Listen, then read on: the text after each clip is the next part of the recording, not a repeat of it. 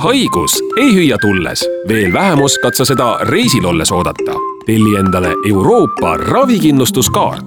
see kaart tagab Euroopa Liidus reisides vajamineva arstiabi võrdsetel tingimustel selles riigis elavate inimestega. kaart on sulle tasuta. täpsem info haigekassa.ee Kuku Raadios välja öeldud seisukohad ei pea ühtima Kuku Raadio seisukohtadega. Te kuulate Kuku Raadiot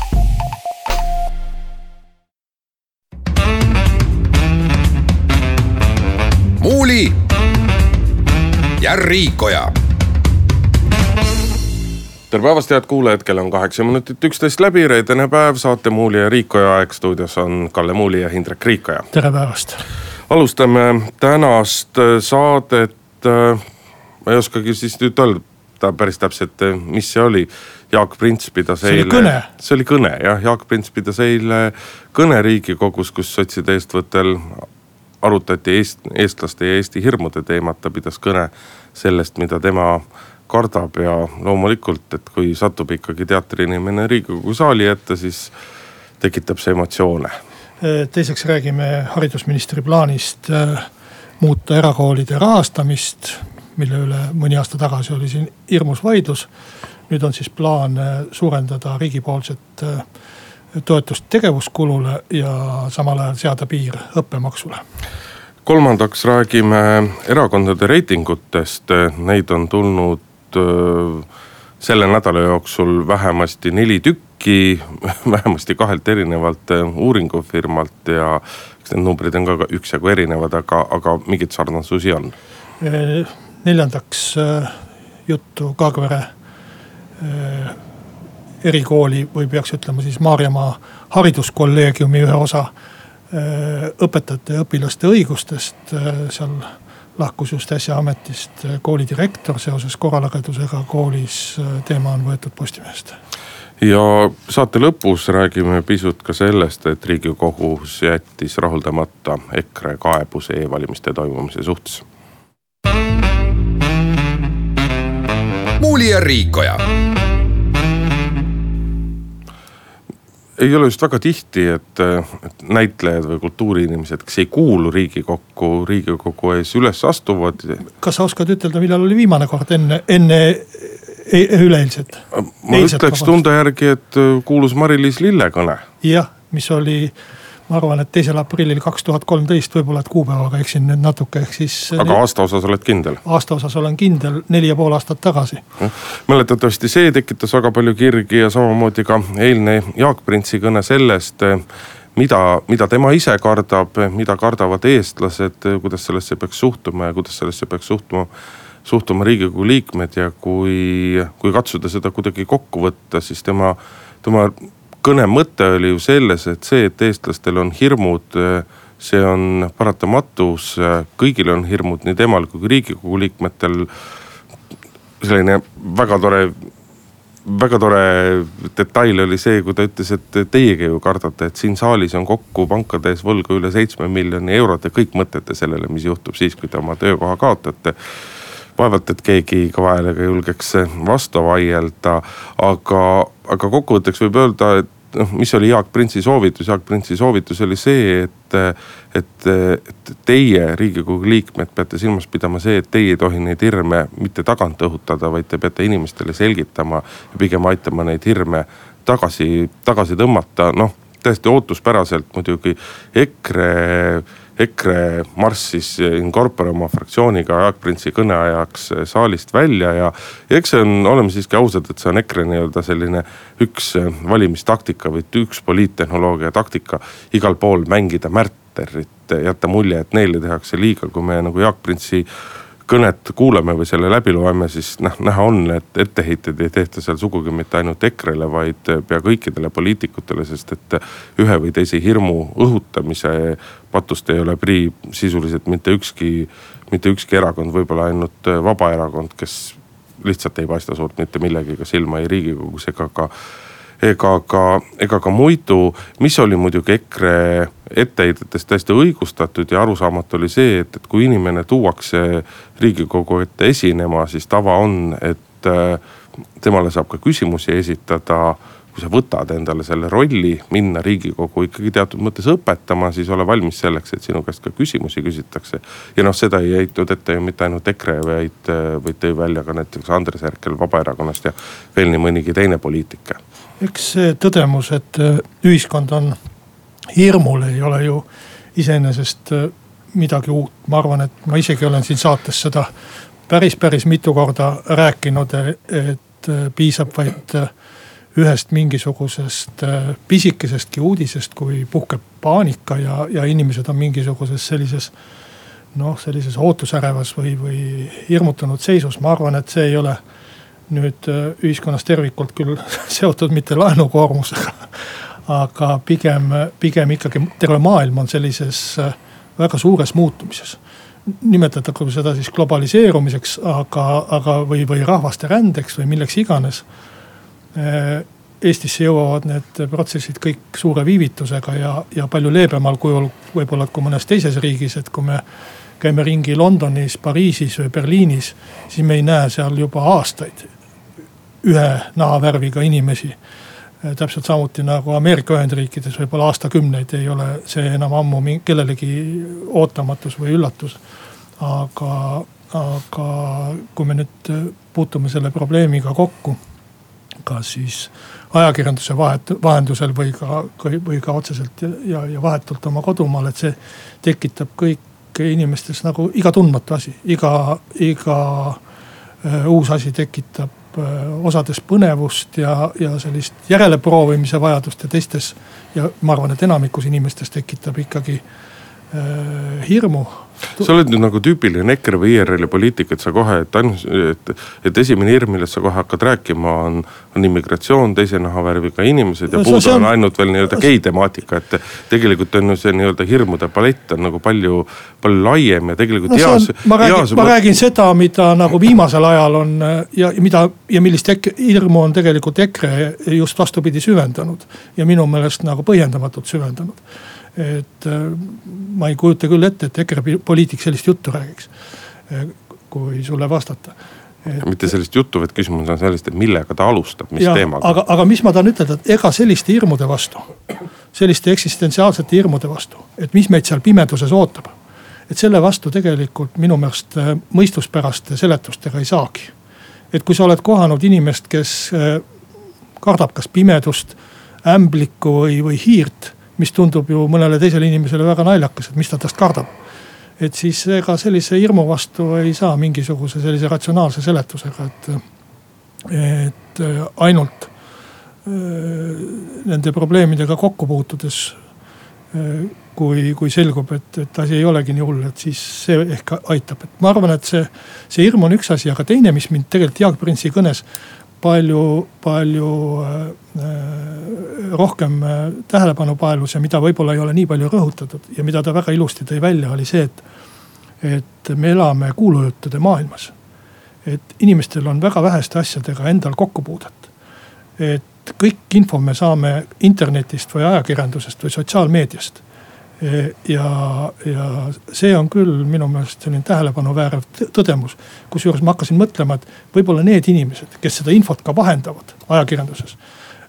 On saanud selle täpselt samuti ainult kuulujuttudest, et huvitav, kas kõik need inimesed näiteks, kes Eesti meediat, meedia. väikese tähega, ma loodan. ja, ja väikese tähega Eesti meedias vahendavad uudiseid näiteks riigikogust või kirjutavad riigikogust või riigikogu liikmetest. kas nad kõik on ise üldse riigikogus käinud ja mõnda elusat riigikogu liiget eh, näinud või, või suhelnud?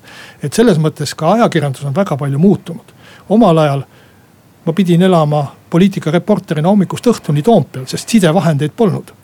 ma pidin nendega pidevalt rääkima ja suhtlema et kas need inimesed, kes kirjutavad Martin Repinski Loomafarmist, on kunagi üldse käinud mõnes kitsefarmis või loomafarmis. et, et võib-olla ka vahendajad või need, kes juba neid kuulujutte nii-öelda kuulujutte levitavad, ise ka ei puutu sellega tegelikult kokku no.. et, et selles mõttes on elu läinud täiesti müstiliseks, et me räägime mingitest hirmudest, mida tegelikult keegi ise nagu õieti ei tea, ainult kuulujuttude kaudu on tajunud. ma kahjuks pean sulle vist vastama, et küllap see nii on, et äh, kõik, kes kirjutavad riigi, mitte kõik, kes kirjutavad Riigikogust, ei ole käinud Riigikogus ja, ja nii edasi ja nii edasi. mis muidugi selle hirmudega natukene on, et, et ühest küljest loomulikult inimestel on hirmud, sellega tuleb tegeleda, neid hirme tuleb vahele maha võtta.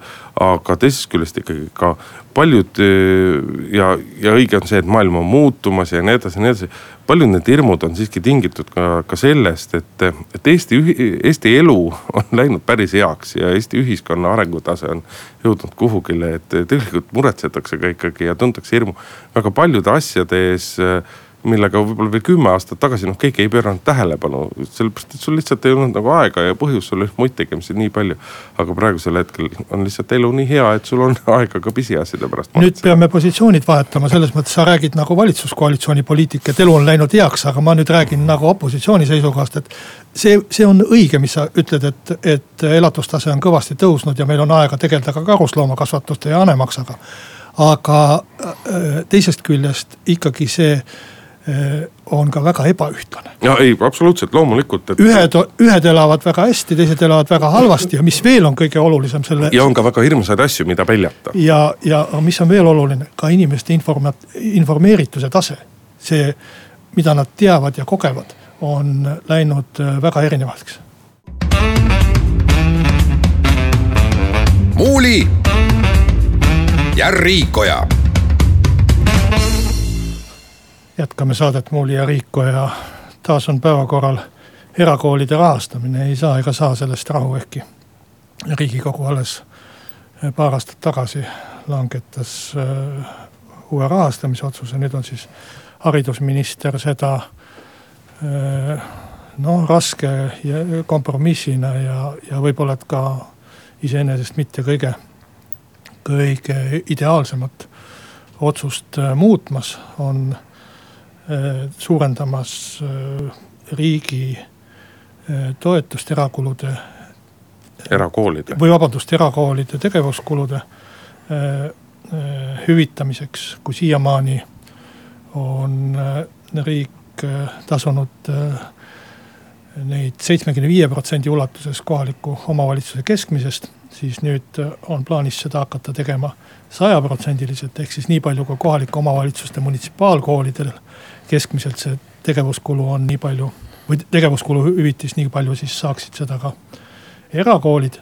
aga samas teisest küljest jälle haridusminister tahab piirata äh, õppemaksu suurust ja kehtestada selleks õppemaksu suuruseks viisteist protsenti äh, miinimumpalgast. ehk siis, kui meil praegu on miinimumpalk nelisada seitsekümmend eurot, siis viisteist protsenti, kui ma peast arvutan kiiresti, on umbes kuuskümmend eurot.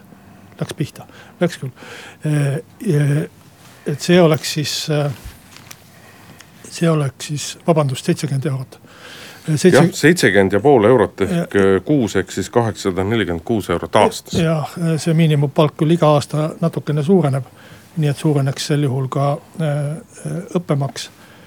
aga, aga, aga seni oli see õppemaks põhimõtteliselt piiramatu. seaduses oli ainult üks klausel, et seda võib ühe aasta jooksul suurendada ainult kümne protsendi võrra, mis on tegelikult iseenesest äh, suur protsent, et see ületab kindlasti ju või, või enamikel juhtudel ikkagi inflatsiooni, palgakasvu ja kõiki muid asju. et, et nii see oli siiamaani sätitud jube keeruline on nagu kõrvalt vaadates seda seisukohta võtta, et, et seda võiks ju vaadata nagu nii ühte kui teistpidi, aga minu arust siiski minnakse nagu liiga kiirete samm, kiirete sammudega edasi. mina isiklikult tunnen nagu puudust sellest ja ma ei ole ka riigi tasandil siiamaani vähemasti kuskilt seda vastust näinud ega kuulnud ka, kui ma küsinud olen et minu arust peaks riik ikkagi ennem, kui ta hakkab reguleerima täpselt seda, kui palju makstakse, millised võivad olla õppemaksud ja nii edasi.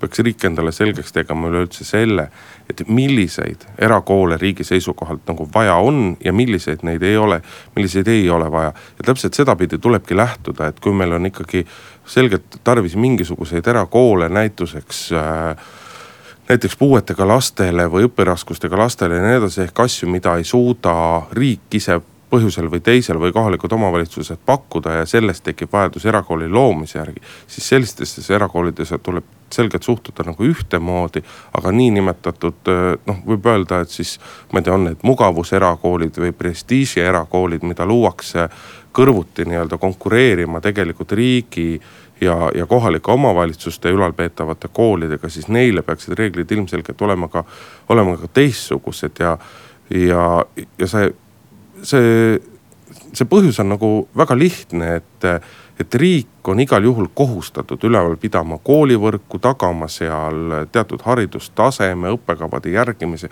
ja nii edasi, nii edasi, nii edasi, nii edasi. erakooli luues loomulikult jah, ma saan aru sellest, et, et justkui nii-öelda erakooli pidajad või loojad, nad võtavad oma oma õpilaste vanemate ees mingisuguse vastutuse, aga siiski on neil võimalus sisuliselt ka oma erakool praktiliselt päevapealt või kui mitte päevapealt, siis õppeaasta pealt kinni panna. ehk äh, nad ei võta endale väga selgeid pikaajalisi kohustusi, mis on riigil olemas samas nad väga selgelt nii-öelda nad konkureerivad öö, riigikoolidega, kohalike omavalitsuste koolidega ja, ja, ja seetõttu nii-öelda tulebki lähtuda, et, et milliseid erakoole riigil on vaja, nendele peavad selgelt kehtima ühesugused reeglid ja neid, mida riigi seisukohast otseselt vaja ei ole. kes, kes pakuvad asju, haridust, mida, mida, mida pakub ka riik, mida pakuvad kohalikud omavalitsused. no hea näide on see nii-öelda Tallinna Reaalikooli juurde loodud erakool. nime jään praegu võlgu et, et, et see on üks näide sellest, et, et tegelikult küsimus ei ole ju sellest, et, et, et seal pakutakse midagi, mida, mida linn või riik ei suuda pakkuda. et, et ilmselgelt ka riigi suhtumine sellisesse erakooli peab olema teistsugune noh, maailmavaate küsimus, mina ütleks, et sul on suhteliselt sotsialistlik maailmavaade. mina pean esindama parempoolset maailmavaadet ja see on ka mu siiras veendumus. et kui me sinuga tahame, Indrek, asutada kooli, siis peab meil see õigus olema ja see kool peab olema teistega võrdne või pikakannu lapsevanemad näiteks tahavad asutada öö, oma kinni pandud kooli asemele mingisuguse oma kooli, et meie lapsed saaksid siin kodu lähedal koolis käia siis ma arvan, et see on samaväärne kool, mis iga teinegi ja neil peaks õigus olema. et lepime kõigepealt kokku selles. jah, aga praegusel hetkel ta ei ole samaväär, ta ei ole nii või naa samaväärne kool ja küsimus nüüd ongi, et millised mängureeglid riik sellele kehtestab. on see siis äh, nii-öelda riigipoolne rahalise toetuse küsimus või seesama õppemaksu küsimus, et kas sellele panna lagi või mitte panna? minu meelest peaksid kõikidel erakoolidel olema ühesugused reeglid. ei saa ütelda, et ühed erakoolid on vajalikumad ja teised mittevajalikumad. kui inimesed kuskil pikakannus teevad selle kooli, siis nad ei tee seda lihtsalt sellepärast, et pulli teha või et, et vahva oleks. Neil ongi vajadus selle järele.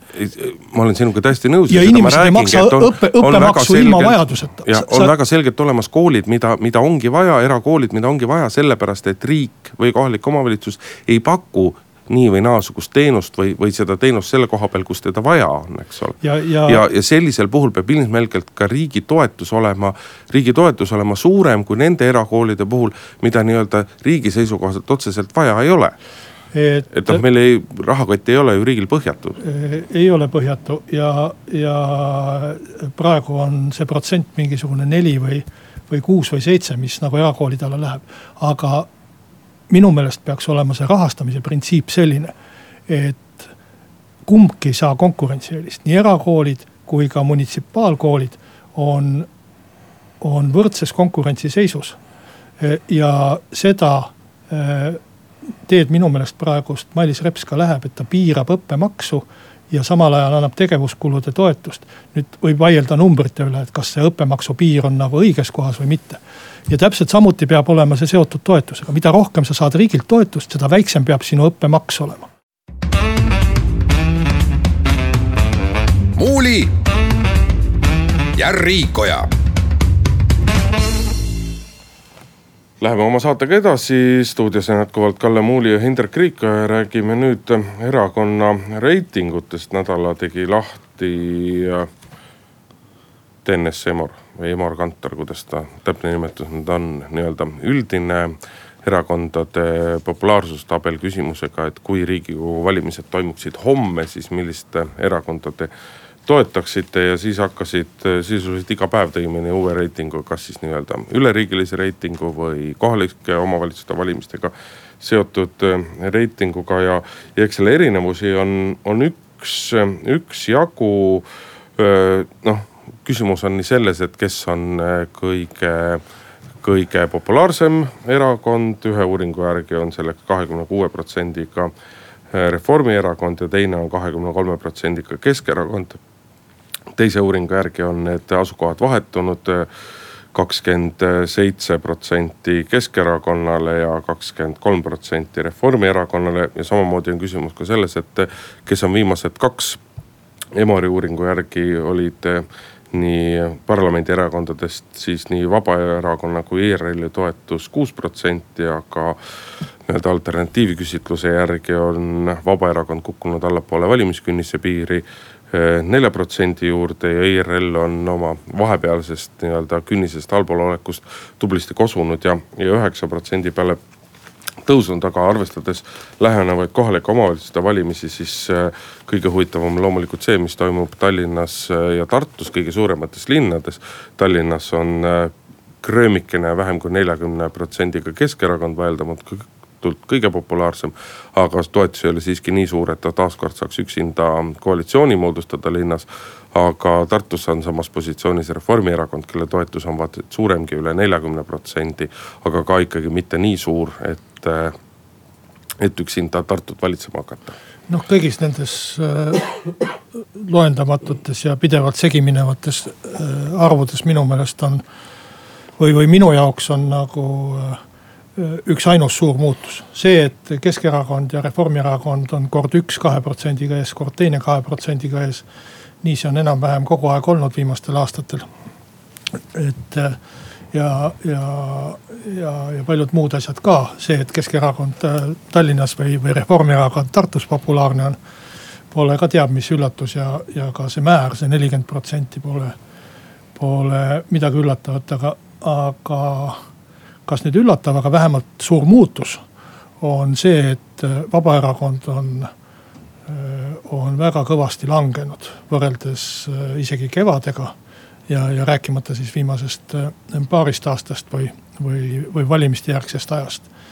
et kui oli kuid ja aegu, kui äh, nende populaarsuseks mõõdeti äh, kahekohaline number, seal üksteist, kaksteist, võib-olla et rohkemgi.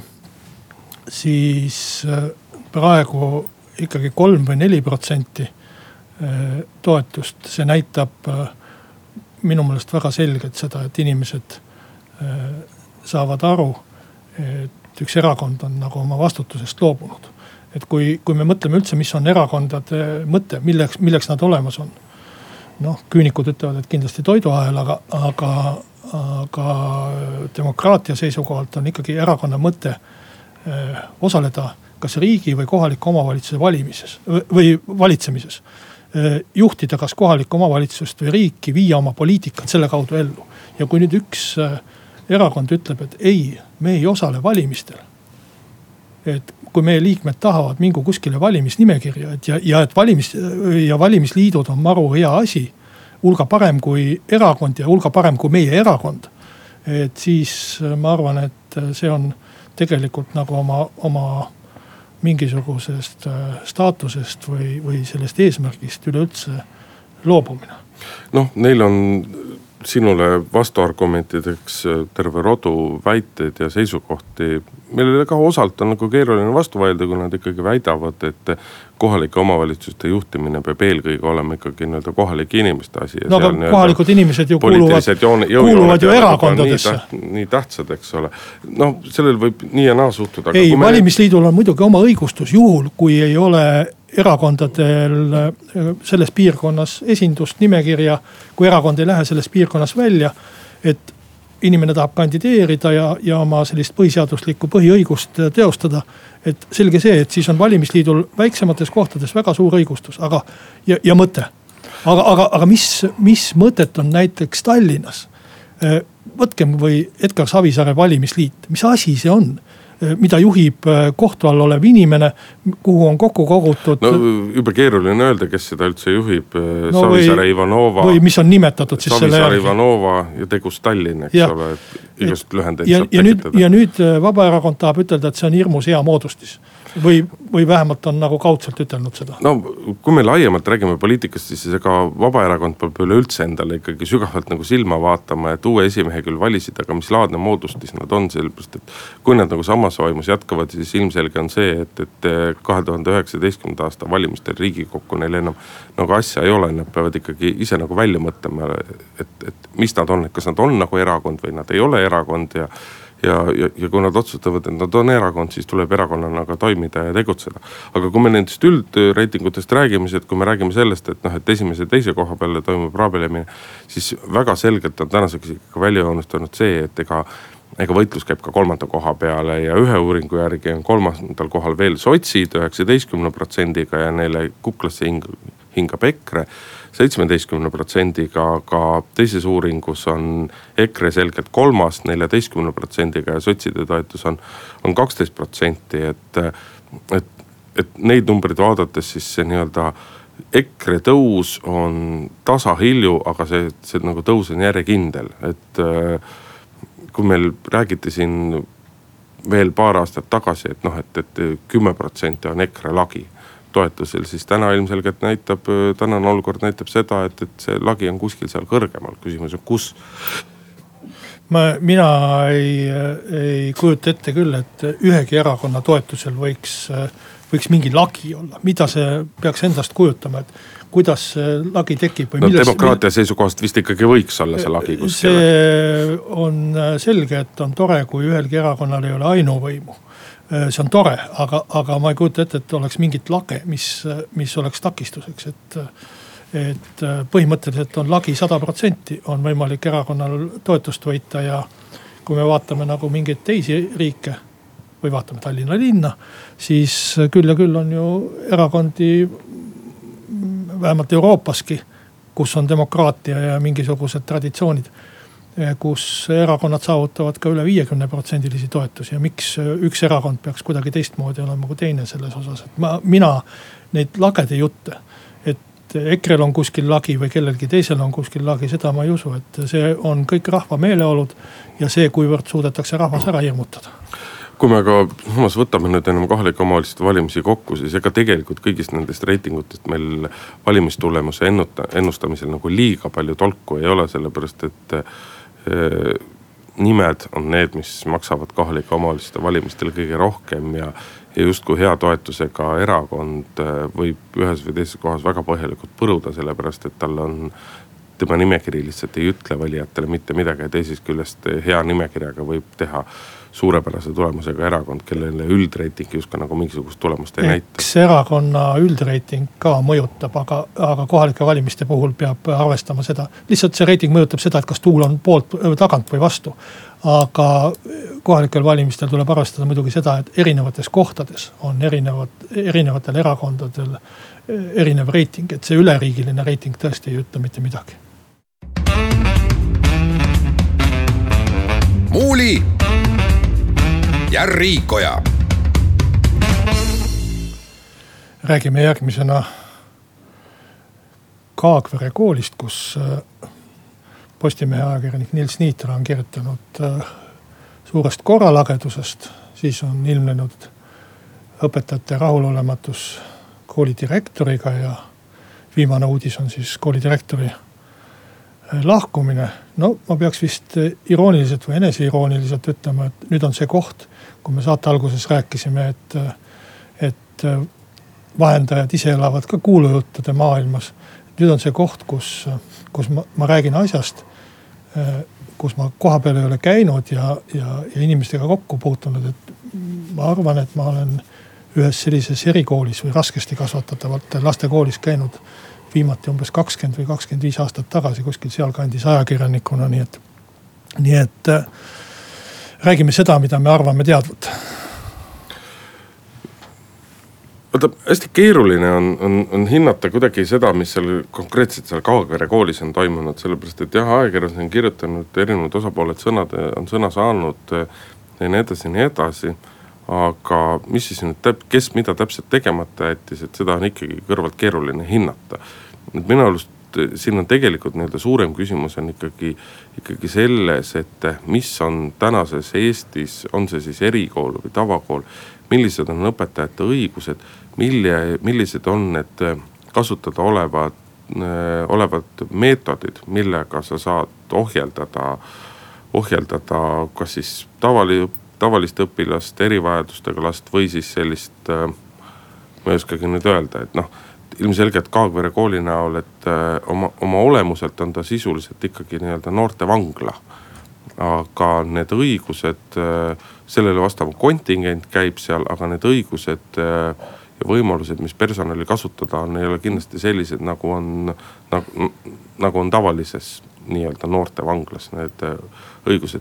ja ega tihtipeale samasuguste probleemidega puutuvad ju kokku ka tõesti tavaliste koolide õpi, õpetajad, et lapsed on väga varmad teadma oma õigusi, loomulikult mitte teadma oma kohustusi. aga seda, et õpetajal väga palju õigusi ei ole tema ohjeldamiseks, äh, seda teavad lapsed väga hästi. ma, ma nagu ei ole nõus sellega, et õpetajatel ei ole nagu mingeid õigusi. ma ei ja, ütle ja, mingeid õigusi. ja, ja eriti sellises koolis. ja, ja pealegi ma arvan, et, et noh, kui, kui me vaatame nüüd ütleme seda Maarjamaa hariduskolleegiumit, kus on siis äh, kolm kooli. Tapa, Vastseliina ja Kaagvere, millest me räägime. siis äh, sisuliselt ju seal ikkagi on äh, erireeglid, on olemas alaealiste mõjutusvahendite seadus, kui ma nüüd selle seaduse nime õigesti mäletan, kus on siis kirjeldatud ära see kõik. mil viisil sellist alaealist tuleb kohelda ja nii edasi. aga mina sellistes asjades nagu õpetaja ja õpilase suhe nii sellises Kaagvere tüüpi koolis kui ka tavalises koolis.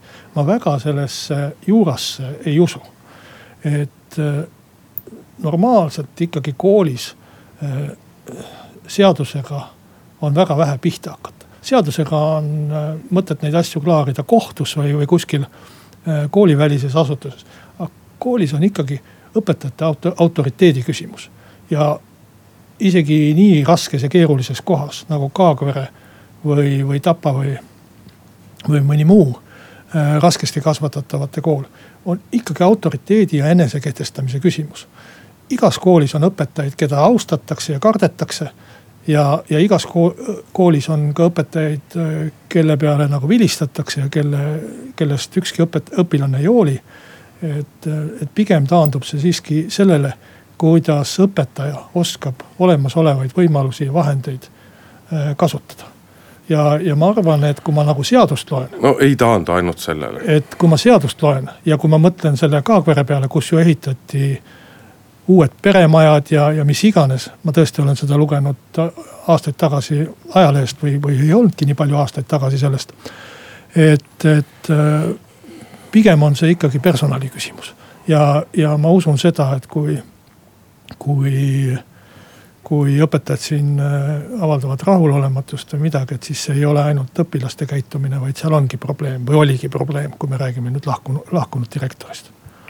no ma ei tea, ma, ma, ma, ma siiski tunnen, et sa teed õpetajatele, õpetajatele liiga, et noh, me, me võime lõputult rääkida sellest, et et, et sa pead lapsega rääkima ja, ja, ja, ja talle tuleb selgitada ja nii edasi ja nii edasi ja nii edasi aga samas on ikkagi nii palju seda keerulist kontingenti koolides ja eriti sellistes koolides, et sa ei saa, noh, ma ei taha nüüd öelda, et lapsele tuleb või õpetajale tuleb nüüd rihm või bambuskepp kätte, kätte anda, aga, aga, aga siiski sõnadest kahjuks ei piisa alati, sellega tuleb leppida.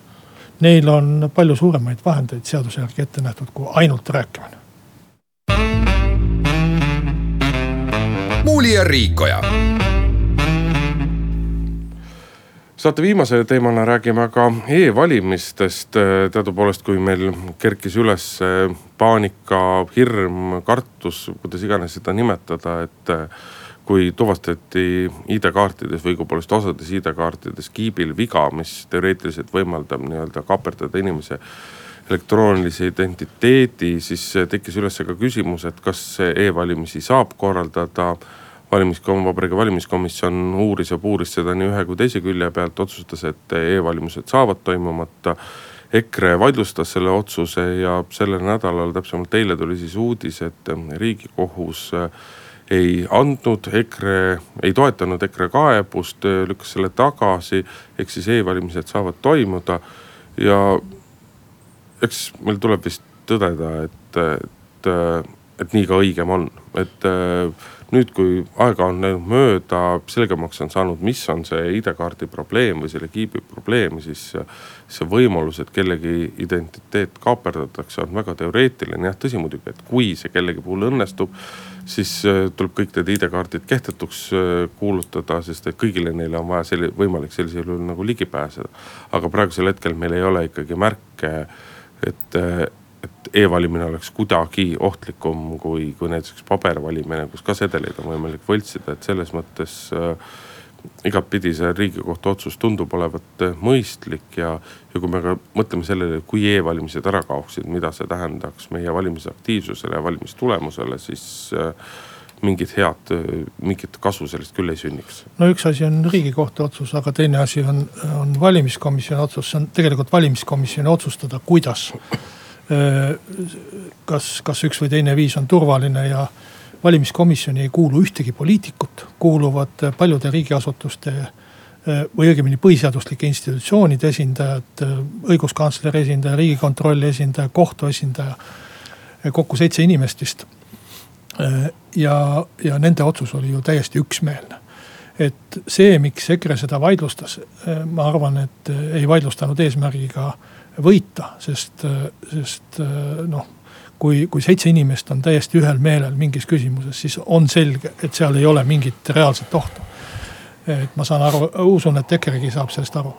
eesmärk on ikkagi külvata lihtsalt segadust, tekitada sellist ärevust ja, ja, ja püüda võita tähelepanu millegiga. no just nimelt, et see segadus, ärevus, see selleks, aga see on sihuke tähelepanu, seesama, millest me esimeses osas rääkisime, märtri mängimine. ükskõik millega, et, et noh, keerame või kiviaega ühiskonna tagasi. peaasi, et saaksime kuidagi pildile, paneme piirid kinni, tõmbame teki üle pea. noh, ühelegi mustale kätt ei anna ja, ja, ja, ja kõike, mida saame vaidlustada, seda ka, seda ka vaidlustame, et selles mõttes nagu selline täiesti noh, destruktiivne poliitika, kus ei ole minu meelest ühtegi positiivset alget, et pakuks siis välja mingisuguse hea valimisviisi, kui, kui ma vaidlustaks, vaidlustan mingisuguse äh,, mingisuguse asja, aga, aga li, lihtsalt selline. Ükskõik millega saaks pildile, peaasi, et, peaasi, et oleks pildil ja saaks kõvasti kära tekitada. nojah, aga samas see ei saa tähendada seda, et me siiski nii-öelda EKRE argumentidest ka nagu päris äh, nagu päris ja, ja ainiti mööda saame vaadata, et ega siiski EKRE jutus sellest, et et ei maksa loota, et näiteks Venemaa, kes on väga aktiivselt üritanud üle kogu maailma demokraatlikes riikides valimistesse sekkuda ja valimistulemust mõjutada, et ei maksa loota, et nad ei, nad vähemasti ei kaalu võimalust, et, et järsku ikkagi üritaks ka, ka antud nii-öelda turvariski ära kasutada, et, et see, et see teoreetiline võimalus on olemas, sellel on EKRE-l õigus, selles osas on EKRE-l õigus. ja ega meil kõigil siiski kuskil kuklas peab ka minul, kes ma, kes ma igal juhul valin ID-kaardiga ja, ja e-valimistel. et ka minul peab tagataskust tiksuma siiski see mõte, et, et, et on väga teoreetiline, aga siiski imeväike võimalus on, et keegi kuritarvitab seda ja, ja, ja ta võib ka kuritarvitada minu. ikka üritatakse mõjutada ja kindlasti üritatakse mõjutada, aga see ei tähenda, et me peaksime oma valimised ära jätma või ühe viisi ära jätma. kindlasti võidakse osta ka viiskümmend eh, kalurit kuskilt eh, viinapudeli eest ära ja, ja mõnda, mõnda valimisjaoskonda võib ka sisse murda, igast asju võime karta. ja seda äraostmist kindlasti tuleb, ei ole möödunud valimisi, kus seda olnud ei oleks, aga tänase saate otsad peame kokku tõmbama Kalle Muul ja Hindrek Riik olid stuudios, kuulmiseni nädala pärast. muuli ja Riikoja